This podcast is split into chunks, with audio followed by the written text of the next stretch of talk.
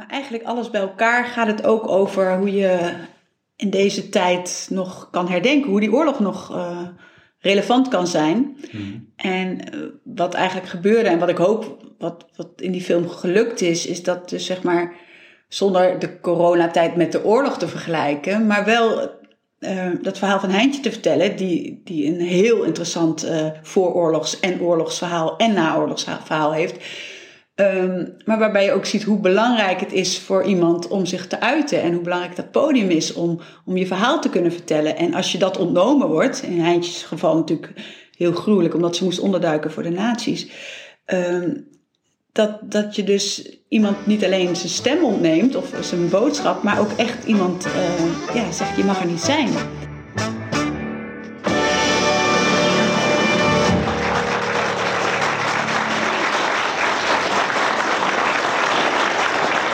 Niet erg dat ze dat van me zeggen, want ze kletsen zoveel van me. Maar wat ze van me vertellen, het is allemaal waar.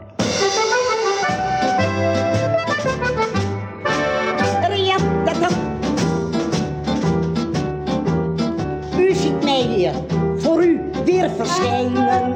En alle vrienden zitten onder uw gehoor. Ze zeggen dat ik maar gauw moet verdwijnen. En daar hebben ze een goede reden voor. Weet, u staat niet versteld wat men van mij vertelt. Men zegt dat ik zo ordinair ben, helemaal zonder flair ben.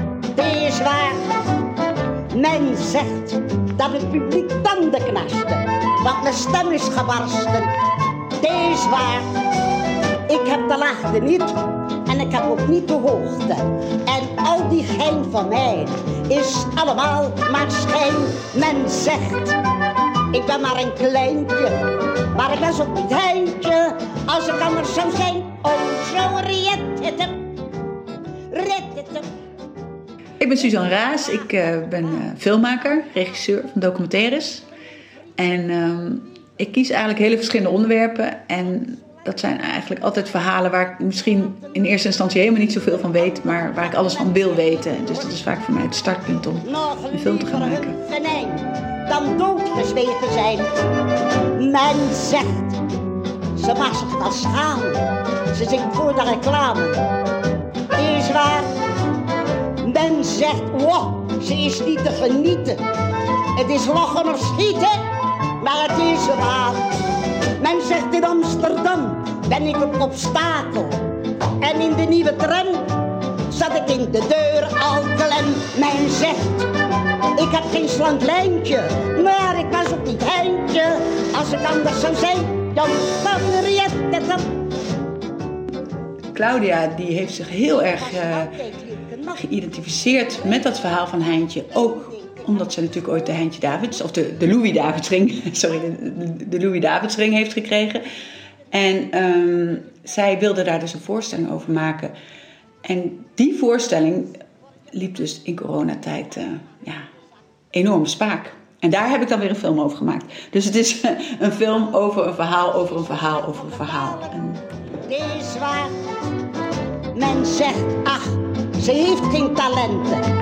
En ze zit op de centen, maar het is waar. Het is op die manier dat ik bezuinig. Ik trek me er niets van aan. Wanneer er schulden staan mij. Dus dat is nu geen geintje. Als minister maar Heintje, dan was de crisis gedaan. Oh zo. Nou, eigenlijk is het zo dat, Claudia uh, heeft uh, een aantal jaar geleden van Herman van Veen de Louis Davidsring gekregen. Uh, is toen eigenlijk meer in dat verhaal gedoken van Heintje. zelf en van ook de familie van Heintje, van haar broer. En heeft toen gedacht, ja, dit is gewoon een musical. Dit is een, nou, musical, dat woord heeft een hekel aan. Maar dit is eigenlijk, hier moet ik een voorstelling over maken. Dus echt dit verhaal over die familie Davids. En in het bijzonder over Heintje Davids. Um, dus Claudia ging, um, is daarmee aan de slag gegaan. Eigenlijk op het moment dat de eerste lockdown begon. Dus die, die had al langer dat idee, maar die dacht: ik ga gewoon, als ik toch niks kan doen, kan ik schrijven. En um, ja, alleen schrijven is voor iemand als haar volgens mij een crime. Dus zij heeft al heel snel gedacht van ik moet met twee bevriende muzikanten met wie ze samenwerkt. Dacht van nou, we gaan ook al die liedjes maken. Zij is die liedjes gaan maken uh, zonder dat ze nog wist of, of die voorstellingen zou komen. Omdat er nog zoveel onzekerheid was. Ja, op het moment dat zij uh, hoorde van Carré dat ze toch die voorstelling uh, op, in Carré zou kunnen gaan opvoeren. Toen heeft zij mij gebeld en gevraagd, wil jij niet toch over deze voorstelling een film maken? Het nieuwe lied, dat kost maar. Kom nou, we gaan eens kijken of we wat verdienen kunnen. Goed mop, we gaan een zwaaiertje maken samen gezellig. Die na. Die oude mop van me. Die lekkere na. Het gaat nou uit, mop. Oude mop. Je bent toch lief hoor. Ja, dat zeggen ze allemaal. Nou, daar gaat hij. Ik hou veel van een verzetje, als dat komt op zijn tijd. Nou, ik vraag je mens, wat let je, zeg maar wat je verblijft. Ach, ik wil bij het orgel gaan dansen.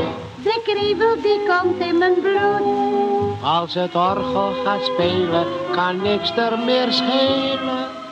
Van kop tot teen staan ze in gloed. Draai je, anders dan ga je, ga naar de haaien eer je het weet. Draai je, laat je maar vaaien, om eens te zwaaien, weg is je leed. Want de wereld is rond en dat stemt me tevreden. En hij draait, daarom draaien we allemaal mee. Dus we draaien, zwenken en zwaaien en je vergeet je Ik kende en Heintje. Davids een beetje. Ik kende vooral inderdaad het Heintje Davids effect. Dat iemand zegt, hè, als, je, als, je de hele tijd, als je afscheid neemt en weer terugkomt, dan zeggen mensen, hè, je lijkt Heintje Davids wel. In ieder geval was dat in mijn jeugd wel een vrij gangbare uitdrukking. Ik weet niet of jonge mensen dat nu nog zo hebben, maar Heintje Davids ehm, associeerde ik met een oude dame met een grote bril, die dan elke keer weer zei, hallo, hier ben ik weer. Ehm, maar toen Claudia mij vertelde wat daar zeg maar voor, aan vooraf ging en dat dat steeds maar terugkomen niet was omdat die vrouw zo nodig weer op het podium moest staan, maar dat daar een heel erg gelaagd, eh, indrukwekkend verhaal achter zat. En toen ik haar daarover hoorde vertellen, dacht ik, ja, maar dit vind ik wel heel mooi, want wat je in films kan doen, en zeker als, als je in die films ook eh, het verleden, of nou, zeker als het over de oorlog gaat, dat je probeert te zoeken naar manieren hoe je dat verleden levend houdt. En als je iemand als Claudia de Brij zo gepassioneerd hoort praten over iemand die al heel lang dood is, en dus ik hoorde gelijk aan, aan hoe zij daarover praatte, dat Heintje voor haar echt heel erg tot leven was gekomen.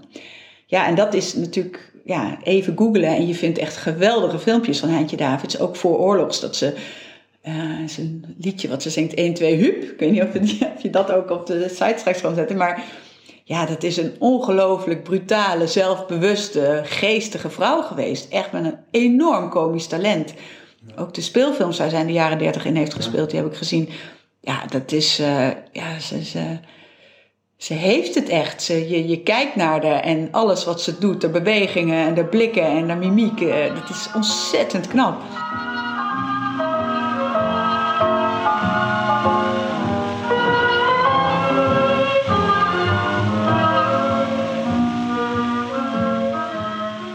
Eigenlijk was ik gekoppeld door iemand van de omroep die zei: Wil je geen film over Claudia de Brij maken? En toen zei ik: Ja, maar ik wil wel filmen als er iets gebeurt wat interessant is. En Claudia was het helemaal met mij eens. Dus die had ik een jaar geleden al aan de telefoon een keer. En zei: Nou ja, ik vind je wel heel leuk. En nou, zij vond mijn werk goed. Maar ja, als er niks te filmen is, dan liever niet. Hè? Ik bedoel, iemand alleen maar in zijn, in zijn kamertje of uh, tijdens een show filmen vind ik niet zo interessant. Ik vind het wel leuk als er iets op het spel staat. En toen hebben we eigenlijk gezegd: Nou ja misschien in de toekomst. En dus een half jaar later belden ze me opeens van... nou, er is wel iets, maar dan moet je eigenlijk wel vandaag beginnen te filmen.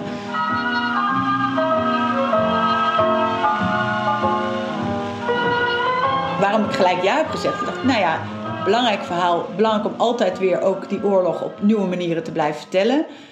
Ook heel belangrijk om dat verhaal van artiesten in coronatijd. Want ik, ik heb zelf heel veel mensen die ik ken die muziek, uh, muzikant zijn of in theater. Hè, hoe dat erin heeft gehakt. Hè, dan kan je zeggen, ja, lekker belangrijk. Er zijn natuurlijk wel ergere dingen. Het is natuurlijk heel erg op de, op de IC en er zijn hele erg. Maar mensen die echt gekozen hebben voor een beroep op het podium, die alles, hè, jaren werken aan een voorstelling, eh, dat is echt pijn ook. En die pijn en die behoefte om toch, al is het maar heel klein, iets te maken, dat vond ik ook heel belangrijk om te laten zien. Dus wat ik toen als uitdaging had, is dat ik die oorlog, die artiesten in coronatijd, en, ehm, ja, en daar komt een derde eigenlijk heel belangrijk ding bij. En, accepteer ons en, en laat ons toe en ehm, eh, laat ons uh, op allerlei vlakken um, onszelf zijn. En, en, en dat heeft ook in de filmwereld, ja, is ook heel veel discussie van: oké, ja, je moet mensen volwaardige plekken geven, zowel als makers hè, van allerlei kleur, maar ook in beeld. En ik kreeg dus met Claudia twee fantastische muzikanten cadeau. Met ook een heel mooi verhaal. Dus die film is echt een film over die drie mensen geworden. Die ook nog alle drie vertellen hoe belangrijk dat podium voor hen is. Hoeveel, um, hoe moeilijk ze het ook vinden om aangesproken te worden op... Uh, oh, jij bent, uh, oh, je bent Marokkaans? Nou, dan... Uh, uh, doe maar even mee, want dan heb ik het vinkje. Hè, dan kan ik zeggen dat er een Marokkaan bij zit. Mensen willen serieus genomen worden, willen om om hun talenten gevraagd worden. Maar willen we natuurlijk kansen krijgen.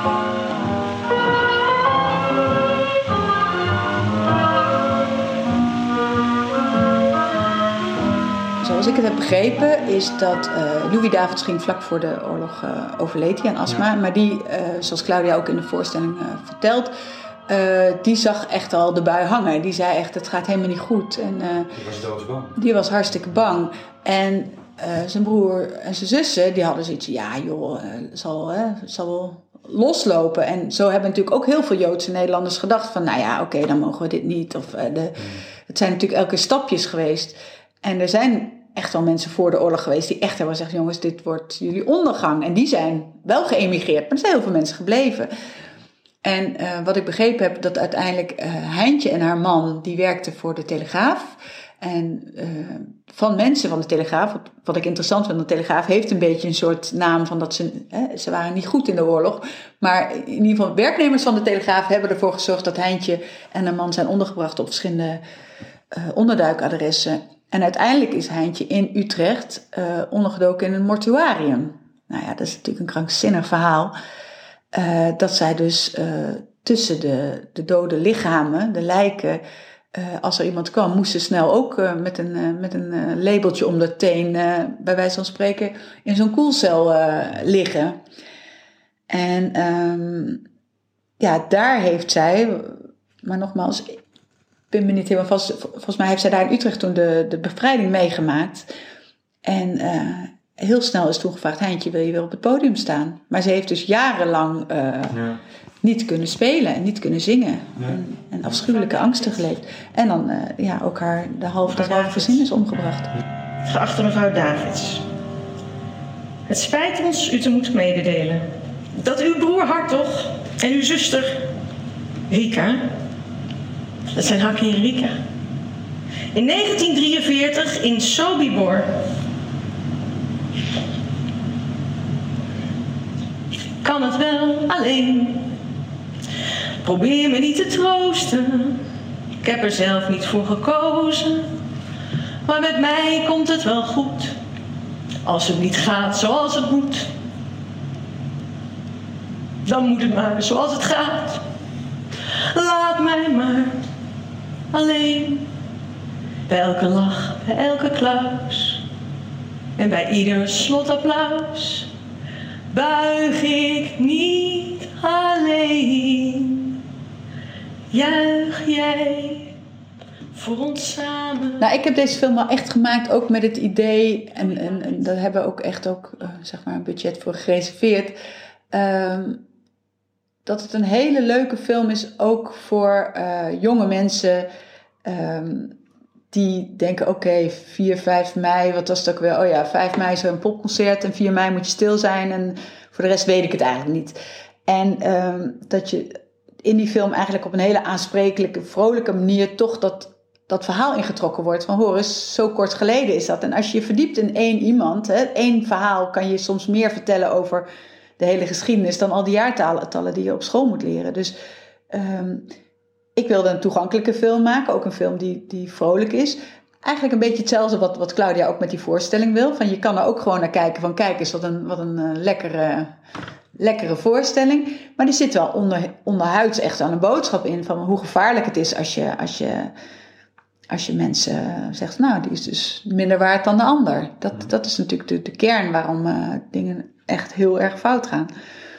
Dus uh, ik denk dat je in die film een andere Claudia de Brij ziet. Wat ik ook leuk vind, want ik, ik mag daar heel graag. Maar ik denk dat je in talkshows, als je, ik bedoel, er zijn heel veel mensen ontzettend fan van haar en terecht, want ze kan ontzettend veel en zingt prachtig. En, maar er zijn ook wel mensen die alleen denken van, oh, huh, Claudia de Brij. Ze krijgt ook best wel wat negatieve uh, lading over heen. En wat je in deze film ziet is hoe serieus en toegewijd en, en ongelooflijk energiek die vrouw. Um, ja, wat een lef ze heeft ook. Dat vind ik echt heel bijzonder. Want zij is dus echt iemand die. Ze schrijft een voorstelling, ze weet wat. Ze schrijft mooie liedjes. Maar ze weet nog niet hoe die voorstelling is. Ze gaat gewoon voor het publiek staan. Dus ze gaat dingen uitproberen. He, echt in die try-outs ontstaan de voorstelling. En nou, ik heb al vaker eh, ook artiesten gefilmd, om daar ook een camera bij toe te laten. Gewoon bij de try-outs. Dat heeft ze wel gedaan. Ze heeft mij toegelaten op een paar hele moeilijke. Ja. Uh, tijdens hele moeilijke momenten. Dat was wel ook wel mijn voorwaarde. Ik zei, Claudia, ik kan wel gelijk komen filmen. Maar dan mag je ook niet zeggen van, oh, toch maar even niet. Hè? Dan moet ik ook overal bij kunnen zijn. En wat ik. Uh, zelf ook een ander heel mooi moment in de film vind. Of dat zijn ook eigenlijk drie momenten. Claudia heeft een liedje uh, geschreven ook uh, over het moment dat uh, Heintje hoort dat um, haar broer en zus zijn overleden. En als ze dat liedje zingt in de eerste repetities, lukt het niet. Dan moet ze huilen. En dat zegt ze ook van ja, ik, ik moet het zo vaak gedaan hebben en dan kan ik het zo zingen dat het publiek moet huilen en dat ik niet moet huilen. Dus dat, dat is ook een soort proces wat ze gewoon aangaat. Dan moet het maar zoals het gaat. Laat mij maar alleen. Bij elke lach, bij elke klaus. En bij ieder slotapplaus. Buig ik niet alleen. Juich jij voor ons samen Louis Davids, Haggy Davids, Rika en Davids. Heb, bij iedere keer dat dat langskwam in de montage, krijg ik, uh, krijg ik kippenvel. Mooi. Dat is zo'n mooi lied en het gaat echt over Heintje die dan na de oorlog uh, aan de ene kant beseft, oh het is voorbij. Maar tegelijkertijd uh, heel snel ook hoort dat er de broer en de zus in het concentratiekamp zijn overleden. Ja. En um, ja, en Claudia zingt dat echt ook dat, we hebben dat gefilmd tijdens de soundcheck. En dat vind ik zo, trouwens sowieso heel bijzonder aan Claudia. Ik, ik ga wel even alle kanten op, geloof ik. Ja, nee, maar wat heel mooi is bij Claudia, zeker omdat wij natuurlijk... We hadden eigenlijk heel weinig tijd om te filmen. Maar zelfs in een soundcheck, zelfs in een repetitie... Claudia zingt nooit maar even. Het is niet zo dat zij denkt, oh even de microfoon testen, weet je wat, ik zing even, ik doe even een stukje. Zij gaat er altijd vol in. Het is altijd ja, haar zuiver. Nou, misschien soms niet zuiver, maar dan nog echt uit het hart. Dus wij hebben tijdens een soundcheck, en, en, en dat zul je in de film zien, dus dan zingt zij een nieuwe dag. Nou ja, en dan aan het einde van het nummer draait de camera om haar heen. En dan zie je eigenlijk dat er, terwijl zij dat aan het zingen is, het decor nog wordt opgebouwd en de anderen gewoon een beetje rondlopen. Terwijl jij gewoon denkt van ja, die vrouw die zingt alsof ze een heel stadion toezingt. Dat vind ik echt fantastisch. Die montage, die inderdaad ontzettende puzzel was, hebben we, uh, ik en Floor Rodenburg, de editor, hebben met ontzettend veel plezier die liedjes gebruikt. Zowel in het repetitieproces als op het optreden. Uh, en daarmee eigenlijk al die lijnen vervlochten. En dat is heel leuk om te doen. En wat ik ook heel leuk vind, en ik hoop dat dat gelukt is, is dat Heintje is natuurlijk best wel veel geïnterviewd. In daar, uh, die was super beroemd in de, in de jaren 60, in de jaren 50. als je ziet hoe vol dat concertgebouw en hoe vol Carré zat als zij optrad. Het is echt, zij was een Nederlandse superster na de oorlog. En um, heel vaak geïnterviewd. En nou ja, ze vertelt ook wel heel vaak dezelfde verhalen. Maar ik heb geprobeerd om in die film af en toe haarzelf commentaar te laten leveren. Dus eh, op een gegeven moment zegt zij in een interview van, eh, nou ja, als je voor tien mensen optreedt, moet je net zo eh, je best doen als voor honderd mensen. Want die tien mensen kunnen niet helpen dat die anderen niet gekomen zijn. Ja, dat paste zo mooi in die coronatijd, waar opeens artiesten allemaal moesten beslissen: oké, 30 man in de zaal, wil ik het dan nog wel? Hè? Ik bedoel, je doet het echt voor, voor de katse viool. Hè? Het, is gewoon, het levert helemaal niks op. Waarom ga je nog optreden als er zo weinig mensen maar kunnen, kunnen komen? Dus eh, ja, ook prachtig in een interview eh, met Mies Bouwman van... eh, ja, ik, ik zit ook wel eens thuis. En was ze weduwe, is ze natuurlijk toch redelijk jong geworden. En dan eh, zie ik het ook niet zitten. Maar ja, ik kan wel thuis blijven zitten met mijn pijntjes en alles. Maar ik, kan, ik kijk in mijn tas of ik nog wat, wat kleingeld heb. En ik ga naar de stad en ik ga een kopje koffie drinken. En ik ben er weer bovenop. Dus dat, eh zij geeft ook in die film een soort levenslessen mee. En dat eh, vond ik zelf heel leuk om in de montage uit te proberen of dat werkt. Of je dus niet inderdaad de deskundige kan laten praten. Maar Heintje is zelf Hoor je die dansmuziek? Is het niet magnifiek? Ach, ik heb zo zin om te deinen. Als ik zo'n walsie hoor, dan klinkt het in mijn oor. En ik voel me zorgen verdwijnen. Ach, zo een driekwartsmaat die in je benen slaat. Ik ben geen type om te kwijnen. Ik smaak mijn stoffer en blik op de grond. En ik zweef dan meteen in het rond. Daar gaat ie. 1, 2, hup. 1, 2, hup. Dat is mijn lust en mijn leven. 1, 2, hup. 1, 2, hup. Zo door de bal zal te zweven. 1, 2, hup. 1, 2, hup. Het leven dat duurt toch maar even. Als ik zo zwaai en zo fijn pieren waai, dan heb ik altijd mijn draai. Chassé. Nou ja, het, een van de beelden die dus bij mij inderdaad heel veel indruk maakte, die uiteindelijk niet in de film terecht is gekomen, is ook wel dat 1, 2 hup, dat, dat Ja. liedje wat ze zingt. Omdat je ziet, en dat zie je trouwens ook in die speelfilms, eh, ze is een vrij gedrongen, ze is heel klein hè. Ja. Ik bedoel, ze heette Heintje, niet voor niks. Het was echt gewoon een eh, heel klein vrouwtje, heel, eh, nou ja, eh, ja, gedrongen, korte beentjes, kort. Ja. Maar ze zat op de een of andere manier wel heel goed in haar lichaam. Of, Zij kon echt, eh, en dat is natuurlijk eh, wat echte komische talenten kunnen, hun lichaam inzetten om een verhaal te vertellen, hun mimiek, eh, timing. En ja, wat je ziet, ik, ik zie inderdaad na de oorlog zie je een vrouw die, die, eh, die nog steeds met smaak dezelfde anekdotes elke keer weer heel erg goed vertelt. Met precies de goede stilte. En je ziet ook in verschillende interviews vertelt ze soms dezelfde dingen. Nou, die zijn bijna exact even lang. Hè? Ja. Dat- Dat, zijn van die Maar dat hebben natuurlijk heel veel mensen als ze wat ouder worden. Als ik bepaalde verhalen vertel, dan vertel ik ze ook altijd op dezelfde manier. Maar Ehm, en je ziet het zo een aantal dingen helemaal niet veel praten. En, Als ik draai ook een je ik ziet vooral heel veel kracht. Als tweede Venus van Milo. Dansen doe ik wonderschoon, zo op mijn grote toon. Ondanks mijn 90 kilo. Kijk hoe ik huppel, kijk hoe ik zwaai. Zo dans ik de stervende kraai. Gaat niet meer hoor, alleen. 1, 2, hup. 1, 2, hup. Dat is mijn lust en mijn leven. Vooruit jongens. 1, 2, hup. 1, 2, hup. Zo door de bal zal te zweven.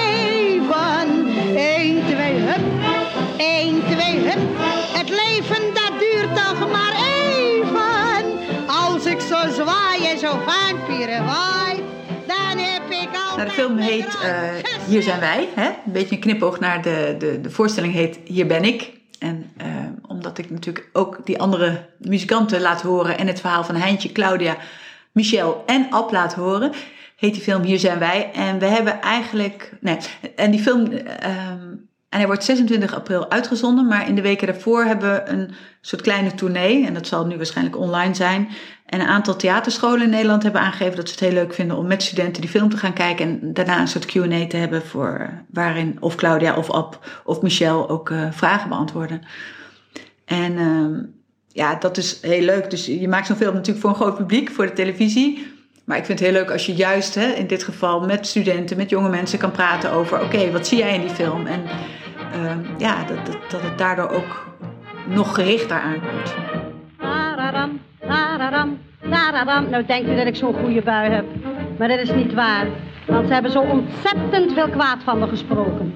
Maar het eigenaardig is wat ze van me vertellen en wat ze van me zeggen. Het kan me allemaal niet schelen. Het is wel allemaal waar hoor. Uitgesproken zijn ze. U ziet mij hier voor u weer verschijnen. En al mijn vrienden zitten onder mijn gehoor. Ze zeggen dat ik maar weer gauw moet verdwijnen. En daar hebben ze hun goede reden voor. Weet u, sta niet versteld wat men van mij vertelt. Men zegt dat ik zo ordinair ben, helemaal zonder flair ben. Is waar, men zegt dat het publiek tanden knarsten, want mijn stem is gebarsten. Het is waar, ik heb de laagte niet, ik heb niet de hoogte. En al die gein van mij, dat is allemaal maar schijn. Men zegt, ik ben maar zo'n kleintje, maar ik was ook niet Heintje als ik anders zou zijn. Nee, natuurlijk. Heintje, dat moet iets bols en iets rond zijn. Zo is het. Ik verdraag dat gepraat, maar gelaten. Want ik gun mijn vrienden graag hun leven en hun lust. Want wanneer men van mij zit te praten, dan heeft een ander dat moment toch even rust. Nog liever hun venijn dan doodgezwegen zijn. Men zegt, ik moest me toch schamen om te spelen voor dame. Is waar, men zegt, ik zing graag van Bagger, maar het is om te lachen. Het is waar. En op de film laatst stond ik te schrijven. Oh, dat was niet chic, niet fijn. Dat was niet net en rein. Men zegt, ik heb geen slank lijntje, maar ik als ik anders zou zijn.